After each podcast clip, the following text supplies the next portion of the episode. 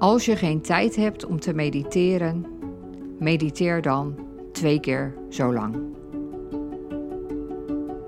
Hartelijk welkom bij weer een nieuwe aflevering van En we noemen het Storytelling. Elke aflevering van deze podcast begint met een verhaal. En vandaag heb ik gekozen voor een superkort verhaal in de vorm van een Indiase wijsheid. Dit verhaal is voor mij een heel goed voorbeeld van ontregelen, omdraaien, omdenken, anders denken, anders kijken, anders doen. Je weet misschien al dat ik daar een enorme fan van ben, omdat ik geloof dat als je dat doet, dat je dan verder komt. Veel verder dan wanneer je jezelf geruststelt. Dan blijf je waar je bent, dan doe je wat je altijd deed en dan krijg je wat je altijd al had. Heel veel luisterplezier.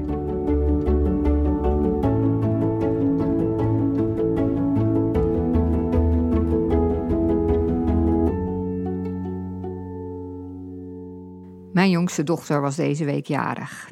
Ze werd 16 en ja, alle clichés kloppen. Ja, gisteren lag ze voor het eerst in mijn armen en vandaag is ze 16. Het is waar. Het is allemaal waar. Het gaat veel sneller dan je denkt. En dan nog sneller. En wat in mijn geval ook echt waar is, is dat het nog steeds leuker wordt. Ik vind het zo bijzonder om, in mijn geval dan twee mensen, steeds meer zichzelf te zien worden.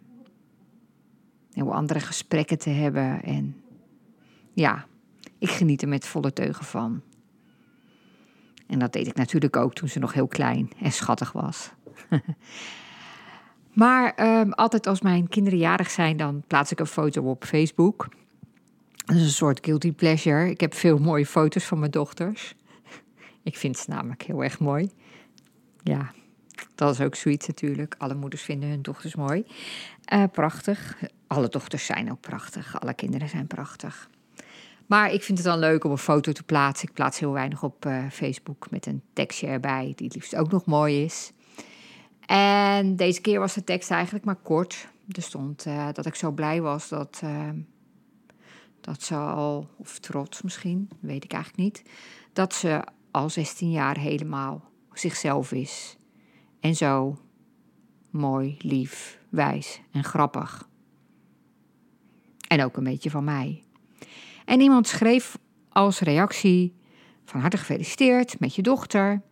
En eh, dat ze nog maar heel lang mooi, lief, grappig en eigenwijs mag blijven. Ik zei: Nou, dankjewel voor deze leuke reactie. Alleen, ik heb het woord eigenwijs niet genoemd. Ik heb het woord wijs genoemd. Nou, haha, reageerde zij weer. Ik kan maar één excuus verzinnen en dat is dat ik bij 16-jarige dochters altijd denk aan het woord eigenwijs en niet aan wijs. En toen ik dat las, was ik net in het proces van het nadenken over wat onze gedachten met ons doen. Hoe vaak we dingen tegen onszelf zeggen, ook tegen elkaar. En dat als je die maar blijft herhalen, dat je, dat je die dan vanzelf gaat geloven. En ik dacht eraan hoe verschillende mensen dingen tegen me hadden gezegd. Van ja, ik kom uit een gezin waarin ja, je eigenlijk werd, werd opgevoed met de, het idee van doe maar gewoon. Uh, dat is niet voor ons weggelegd. Nou, volgens mij heel veel mensen van mijn generatie uh, zijn, en misschien ook van andere generaties, zijn met die gedachte opgevoed. Want dat paste ook in die tijd, denk ik. Dat paste in het milieu, in heel veel mensen waren zo. Het was waarschijnlijk iets wat onze ouders ook weer van anderen hadden gehoord. Maar het is ons besluit om daaraan vast te blijven houden. Als je dat zelf maar heel vaak vertelt, stel je voor, je zegt het maar één keer per jaar tegen, ja, ik ben opgevoed met Doe maar gewoon, dan doe je gek genoeg. Weet je, elke keer weer dat je als je dat vertelt, dan ga je het nog meer geloven en dan wordt het nog meer waar. Ik moet ook weer denken aan een interview met een, een geheugendeskundige dat ik een tijdje geleden had. En die zei van ja, als je bijvoorbeeld tegen een, een, een, ons geheugen werkt zo. Je vertelt bijvoorbeeld tegen een kind het verhaal van ja, vroeger ben je een keer um, kwijtgeraakt in, uh, in zoek geraakt in een winkelcentrum. En toen ging je met een man mee en die bood je een snoepje aan. En dan komt er elke keer weer iets bij. En voor dat kind wordt dat verhaal steeds waarder. En zo is het volgens mij ook met, met, met de dingen die we tegen onszelf vertellen. Elke keer weer als je zegt, doe maar gewoon, dan doe je al gek genoeg ik heb geen geld om te investeren. Ik kan niet verkopen. Ik kan maar beter bij mijn partner blijven, want beter kan ik het niet krijgen. Of het is goed voor de kinderen. Of laat ik maar niet een andere baan zoeken, want nou, deze is ook weer niet zo erg en het wordt wel weer beter. Elke keer als je dat soort dingen tegen jezelf gezegd, wordt het meer waar. En dan kom ik weer even met Eckhart Tolle, die ik al vaker heb, heb geciteerd. Je moet niet alles geloven wat je denkt en andere verhalen zijn even goed waar.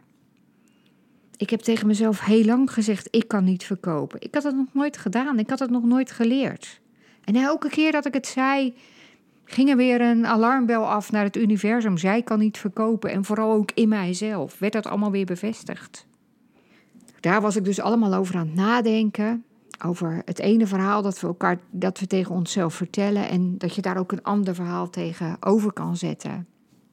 Ik ben wel opgevoed met het idee, doe maar gewoon, dat doe je al gek genoeg. Of dat is niet voor ons weggelegd. Maar dat was toen. Dat paste bij die situatie. Mijn ouders bedoelden het heel goed. Maar ik mag nu mijn eigen weg gaan. Ik was er zo aan het nadenken, dus ik typte een antwoord aan de vrouw die had gereageerd op die prachtige foto. En ik zei: Ja, ik heb hier een, uh, een advies voor je. Het is ongevraagd, maar wel gratis. Ik haat ongevraagde adviezen, maar ik geef ze best graag. Haha. Elke keer, jij draait het nu om hè, in je hoofd vanzelf. Van, je, je, leest iets over een dochter van 16 en er staat wijs en huh, je alarm gaat af. Eigenwijs moet dat zijn. Als je het nou omgekeerd omdraait. Als je elke keer, als je wilt denken eigenwijze dochters van 16, je denkt dan wijze dochters van 16.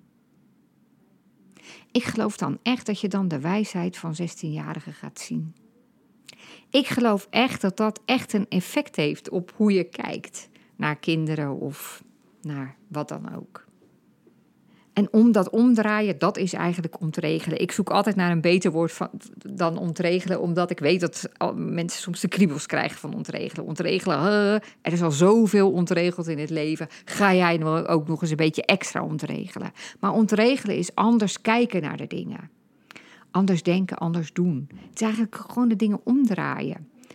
En ja, ik zei ook, ik heb een beetje haat-liefde ermee, omdat het woord wat weerstand oproept. En ik vind het zelf ook niet echt een heel goed woord. Wel een beetje grappig, maar weet je wel, van die, je hebt soms ook van die grappen die je maakt en dan, nou zullen we dit en dat genoemd, is heel grappig, maar we doen het niet. Het is een beetje, ja, het is een grappig woord, maar je kan het beter niet gebruiken. En ik wou eigenlijk zelf dat ik het woord omdenken had bedacht, want dat is ook precies wat ik bedoel en dat is wel een heel briljant woord. Maar omdraaien, dat is het eigenlijk ook. En ik sprak dus iemand, nou, ik heb er dus een beetje een haat-liefde verhouding mee. Niet alleen om het woord, maar ook om, ja, ja, wat moet je er verder mee? En toen zei iemand tegen mij, weet je wat eigenlijk heel bijzonder is? Dat jij altijd anders tegen de dingen aankijkt. Of dat je altijd kijkt of je er ook anders tegenaan kan kijken. Want jij denkt maar dat dat heel vanzelfsprekend is voor mensen. Mensen zijn heel erg gewend om een bepaalde kant op te denken. Dus het is heel bijzonder als jij ze een andere kant kan laten zien. Ongeacht wat ze daar verder mee doen. En toen dacht ik, oh ja, ja, misschien is dat eigenlijk wel zo. Je ziet vaak het eigen goud niet, hè, wat voor je ligt. Je ziet vaak je eigen talent niet. Andere mensen zien dat vaak veel beter. En toen dacht ik, ja, toen werd ik toch weer heel erg enthousiast over dat uh, ontregelen. Dus toen maakte ik een e-book met vijf ontregeltips voor ondernemers. En toen dacht ik, nou, ik ga er ook een podcast over maken, want niet iedereen houdt van uh, een boek om te lezen. En ja, dus zo is deze aflevering eigenlijk uh, ontstaan in het diepst van mijn gedachten. Vijf ontregeltips voor ondernemers. En nog even, ik ben echt fan van ontregelen, van omdenken, van omdraaien, van anders denken, anders kijken, anders doen, omdat ik dus echt geloof dat je daar verder mee komt. Je kent vast wel die uitdrukking: als je doet wat je altijd deed, dan krijg je wat je altijd had. Dus ook als je denkt wat je altijd dacht, dan kom je ook niet verder, weet je wel. Maar als je het, als je het anders gaat bekijken, dan wordt het ook anders. Vandaar mijn grote liefde voor ontregelen. En vandaar dat ik heel graag vandaag vijf ontregeltips voor ondernemers met je deel. En ook als je geen ondernemer bent, of jezelf geen ondernemer noemt, kan ook, dan heb je misschien toch nog wat aan de tips. En zeker aan de eerste, trouwens. Ja, oh zeker. Laat ik het gewoon vijf ontregeltips noemen. Voor iedereen, voor alle luisteraars. De eerste ontregeltip is: kijk eens anders naar je droom. Nou, ik weet niet hoe het met jou is, maar ik heb verschillende business coach programma's gevolgd en inspiratiedagen en live dagen.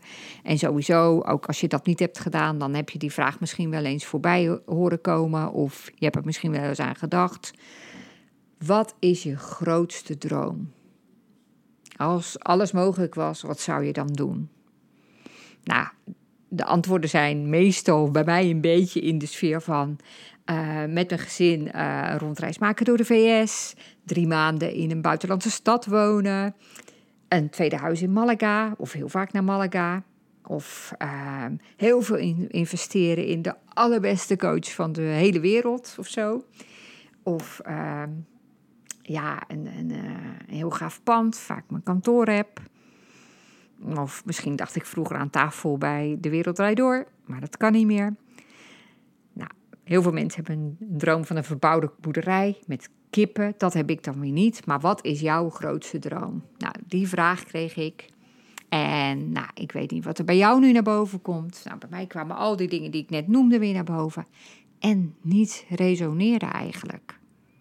Ik vond het een beetje gek, want ik kan zulke soort dingen altijd heel makkelijk oplepelen. Ik weet altijd heel graag, heel, heel goed wat ik wil. En ineens, ja, ik werd er eigenlijk niet zo warm of koud van. Misschien komt het wel door coronatijd, hè, dat je niet zo makkelijk naar de VS kan of naar Malaga. Of, of ja, ik weet het niet, maar het resoneerde niet zo.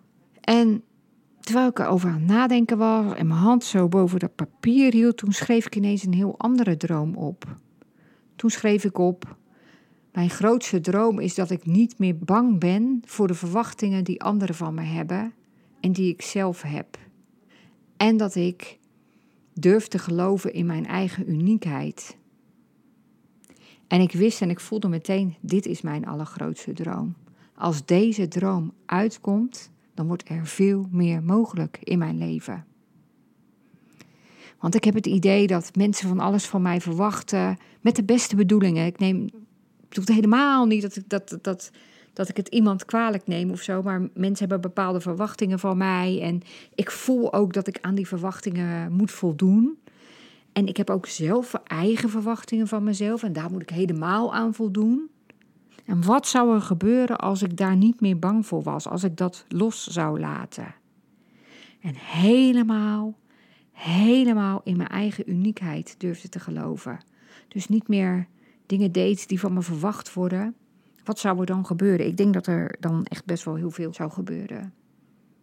Ja, wat ik al zei, ik denk dat dat, dat mijn allergrootste droom is. Een droom die, als die uitkomt, alle andere dromen mogelijk maakt, zo'n beetje. Dus mijn vraag, mijn eerste ontregeltip is: hoe ziet jouw andere droom eruit? Wat is jouw andere allergrootste droom? Ik zou bijna zeggen: pak ook een pen en papier en kijk wat eruit komt. Zo ging het bij mij ook. Maar misschien moet je ook laten bezinken. Als je een andere droom hebt, wat, wat zou dat dan zijn? En wat zou die jou opleveren? En wat zou er gebeuren als die droom uitkomt? Ik denk, en dat geldt voor mezelf en waarschijnlijk ook voor iedereen en voor jou ook, dat als je die droom hebt, dat je dan ook heel erg dicht bent bij iets wat je nog tegenhoudt.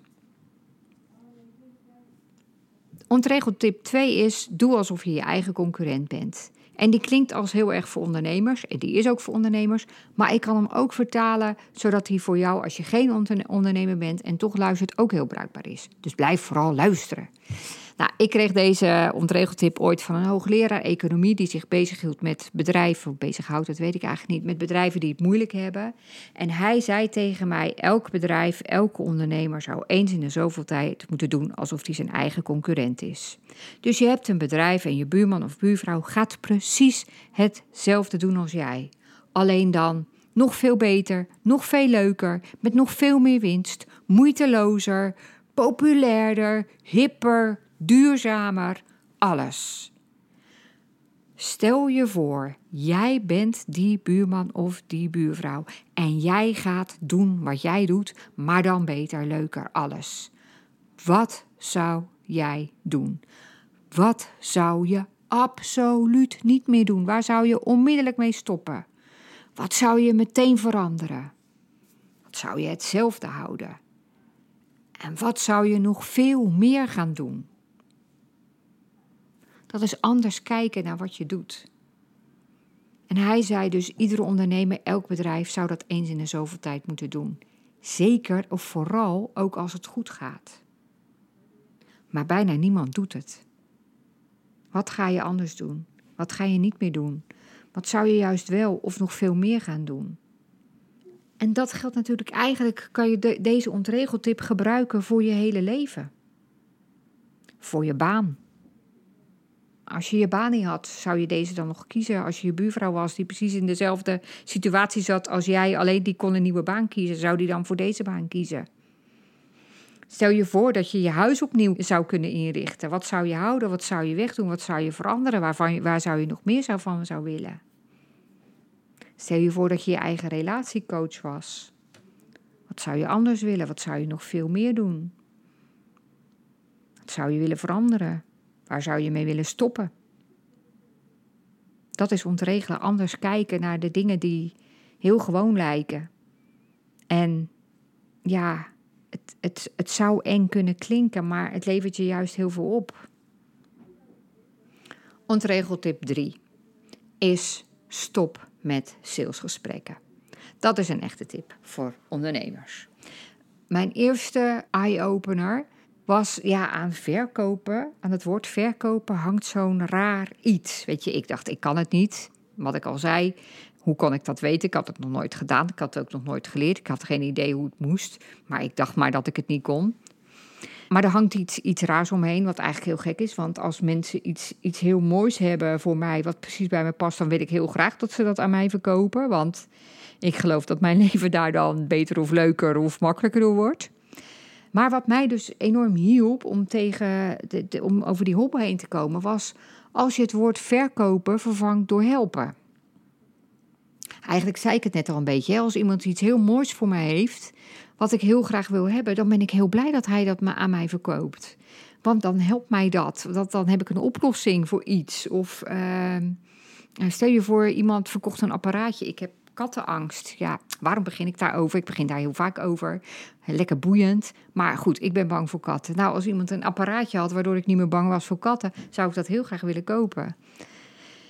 En zeker als kennisondernemer, als coach of consultant of adviseur, help je mensen eigenlijk om te komen van een plek waar ze nu zijn en het niet zo fijn hebben, of waar, waar ze ergens last van hebben, of waar ze uitgegroeid zijn, naar een plek waar ze heel graag willen zijn. Dus je helpt ze eigenlijk van A naar B. Je helpt ze van, van het nu naar het doel wat ze hebben, naar het doel waarin ze geloven en waar ze naar verlangen. Nou, je helpt ze af van het probleem dat ze hebben en niet willen hebben. En je helpt ze naar de oplossing die ze, die ze heel graag willen, maar niet hebben. En die jij ze kan bieden. Dus helpen, het is helpen. Het is helemaal verkopen komt in dit hele verhaal niet voor. Het is gewoon helpen. En als je dat woord helpen gebruikt in plaats van verkopen, dan klinkt het allemaal heel erg anders.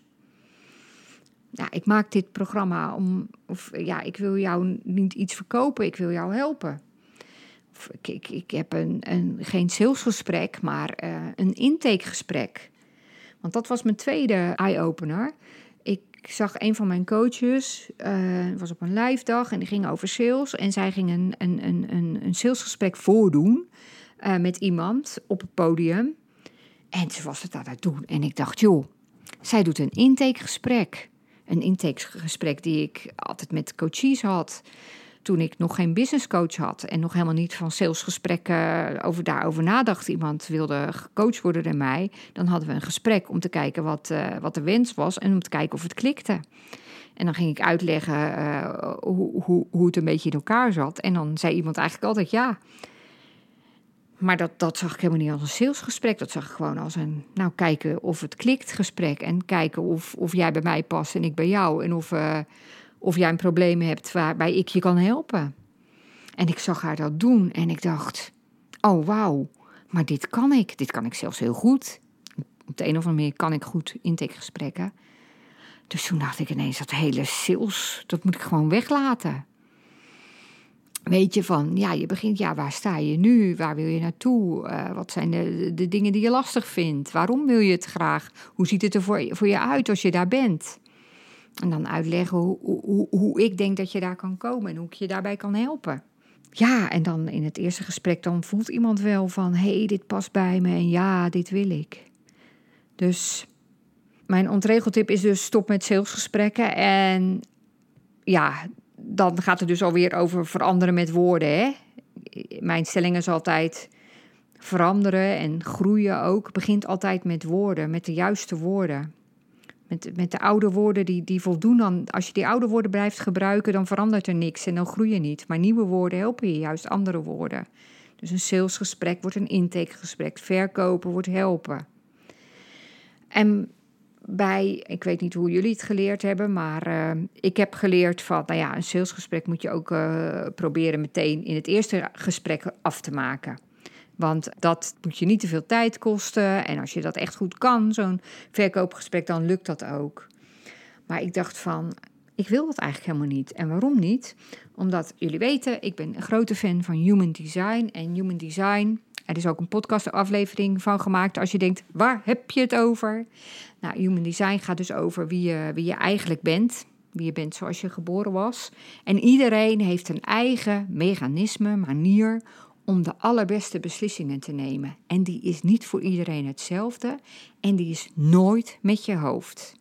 Weet je, die tijd van lijstje, als je een belangrijke beslissing moet nemen, lijstje maken met de voor- en nadelen, deed ik vroeger ook altijd, geloofde ik best wel in. Nee, je brein is niet gemaakt om een besluit te nemen.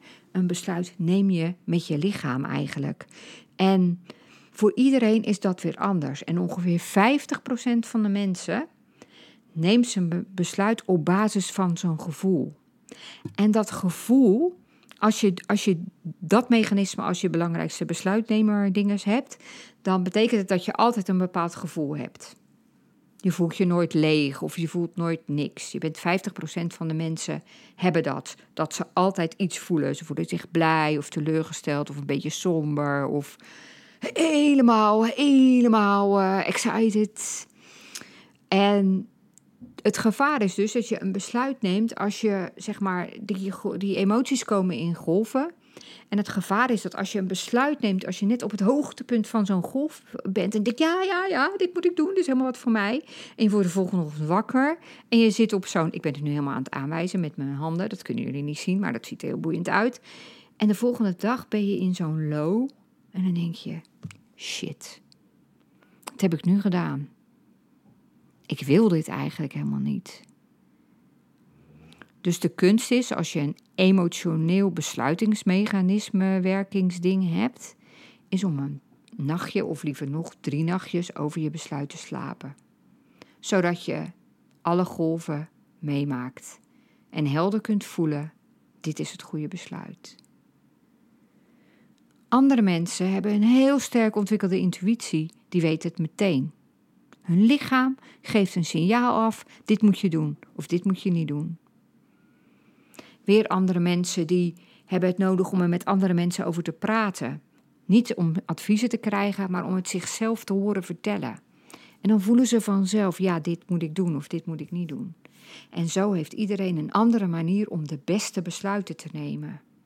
Dus waarom zou je verlangen van een klant of van jezelf, als jij de klant bent, om in één keer na één gesprek het besluit te nemen. Niet dat het niet kan, hè? als je van tevoren al bijvoorbeeld heel erg wist, ja, ja als deze call goed is, dan ga ik het gewoon doen. Dan, dan is het natuurlijk weer een ander verhaal. En verder dacht ik na over de intentie van een salesgesprek. Toen ik dacht aan de ontregeltip of die bedacht, voel nooit meer een salesgesprek. De beste mensen in hun vak zijn vaak niet altijd de meest succesvolle mensen. Omdat mensen die heel goed kunnen verkopen, ja, die kunnen goed verkopen, maar dat hoeven niet de beste coaches of wat dan ook te zijn. En ik hoor het wel eens terug van mensen die een salesgesprek hebben gehad met iemand die ik ken of iemand die hetzelfde programma of dezelfde opleiding als ik heeft gevolgd. Ja, dan, dan hoor ik bijna de, de algemene trucs terug, die dan goed werken. Maar dan denk ik, oh ja, ja. En ik zeg niet hè, dat mensen die heel goed kunnen verkopen niks te bieden hebben, helemaal niet. Maar soms krijg je misschien wel een worst voorgeschoteld die misschien wat vetter is dan de werkelijkheid. En een Engelse coach die ik ken, die houdt helemaal geen verkoopgesprekken. Die doet gewoon een coachgesprek met je als je klant bij haar wil worden. Die gaat je dan coachen. Ze zegt, ja, dat vind ik nou eenmaal het leukste wat er is. En na dat coachingsgesprek kun je denken van, ja, door haar wil ik gecoacht worden moet een beetje denken aan sollicitatieprocedures, weet je wel. Sollicitatieprocedures zijn natuurlijk ook sommige mensen. Ja, ik werkte op de krant en ik had collega's en ik dacht, als die gaat solliciteren, wordt die veel eerder aangenomen dan ik. Maar ik geloof niet dat diegene beter is of zo, weet je wel. Maar ja, die, die, die kan zichzelf gewoon heel goed verkopen en ik kan dat niet. Nou, dat kan ik trouwens nog steeds niet hoor. Ik zeg wel van, ik, ik kon niet weten of ik goed, goed kon uh, verkopen, maar uh, ik ben ook een projector in uh, Human Design, dat zegt alles. Goed, ontregeltip 3 was dus stop met salesgesprekken. Tip 4 is, niet alleen voor ondernemers, achter je bureau krijg je nooit de beste ideeën. Dat denken we, hè? We zijn zo gewend van acht uur moet je werken en dan moet je vergaderen en dan met z'n allen brainstormen en dan krijg je de beste ideeën. En als ik maar hard probeer en als ik maar hard werk en als ik maar veel uren maak, dan komt er het meeste uit me. Nee, dat is niet zo. In de natuur krijg je veel betere ideeën. Als je relaxt, krijg je veel betere ideeën. Dus ga de natuur in, ga naar de sauna, wandel, loop hard, ga breien, Begin een postzegelverzameling. Lees een boek. Geloof niet dat je, om succesvol te zijn in wat dan ook, acht uur achter je bureau moet zitten. Achter je bureau krijg je nooit de beste ideeën. En ik weet zeker dat jij weet waar je wel de beste ideeën krijgt. Ik krijg het als ik een tijdje fiets. Ik woonde een tijd op 18 minuten fietsen van mijn werk. En er was een rotonde daar een stukje voor. En bij die rotonde kreeg ik altijd ideeën. Dan was ik kennelijk 15 minuten zo aan het bewegen en op die fiets. En dan kwam ik op mijn werk en had ik allerlei ideeën. Ik kreeg ook heel veel ideeën onder de douche. En zo heeft iedereen volgens mij zijn eigen ding waar hij het meest, meeste ideeën uh, krijgt. Maar ja, het is eigenlijk heel gek. Ja, dat heb ik volgens mij ook wel eens vaker gezegd. Maar iemand heeft ooit bedacht dat we acht uur per dag moeten werken. Ja, hoezo dan acht uur? Ja, omdat 24 gedeeld door 3 is misschien acht of zo. Acht uur werken, acht uur slapen, acht uur andere dingen doen. Ja, niet voor iedereen is acht uur werken heel goed. En acht uur achter je bureau zitten is volgens mij voor niemand goed.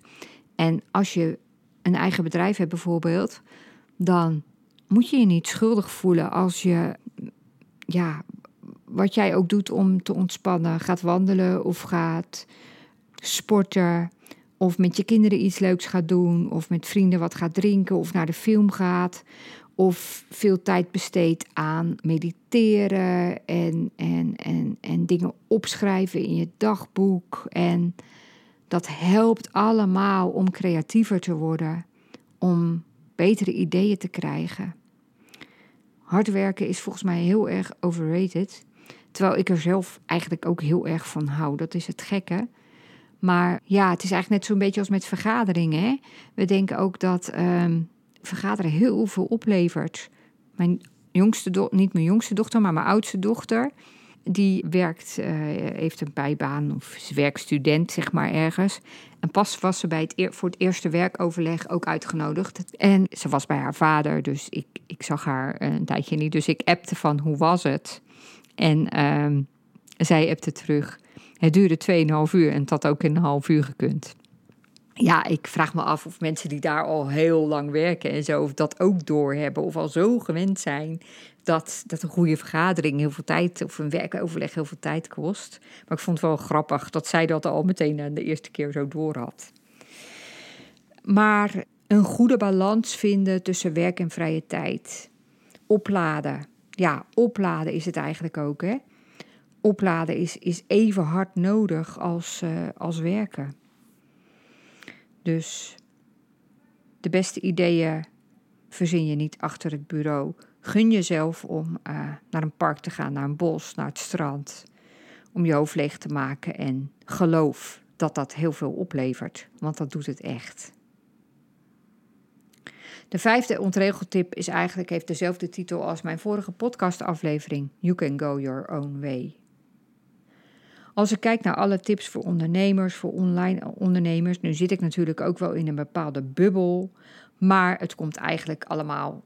Uh, je ziet over, komt overal hetzelfde tegen. Je moet een funnel hebben, je moet koud gaan bellen, een gratis weggever maken, zodat je e-maillijst groeit, je prijzen verhogen, uh, zo zichtbaar zijn dat je jezelf niet meer kan zien of luchten. Dan ben je pas echt goed zichtbaar. Of uh, ja, je moet je helemaal op LinkedIn storten, want daar zitten alle klanten. Of op Pinterest. Of je moet gaan netwerken. Of. Nou, bij ons op de wc hangt een kaart met de tekst: Volg je hart, want dat klopt. En elke keer als ik het zie, dan denk ik: wat een cliché. Maar ik denk ook altijd: heel veel clichés zijn heel erg waar. Natuurlijk zitten er hele goede tips bij. Natuurlijk geven business coaches hele goede tips en hele waardevolle goede adviezen. En er zijn hele goede methoden en er zijn hele goede technieken en hele goede vragen en hele goede templates en hele goede voorbeelden van salespagina's en hele goede manieren om je marketingtekst zo goed te maken dat mensen ook gaan kopen. En dat is allemaal heel erg nuttig. Maar het allernuttigste is volgens mij dat je je eigen weg mag kiezen. Dat je moet doen wat het allerbeste bij jou past. En dat hele woord moeten, wat ik nu ook even gebruik, schrap het. Niemand kan jou vertellen wat jij moet doen. Ik ook niet. Dus mijn ontregeltip is: doe wat bij jou past. Doe wat helemaal bij jou past. Waar jij je helemaal goed bij voelt, waar jij je blij van wordt. Iets wat jij heel goed kan, wat je heel makkelijk afgaat. Want ik geloof dat je dan de beste resultaten haalt. Dat je dan het meest kan betekenen voor anderen.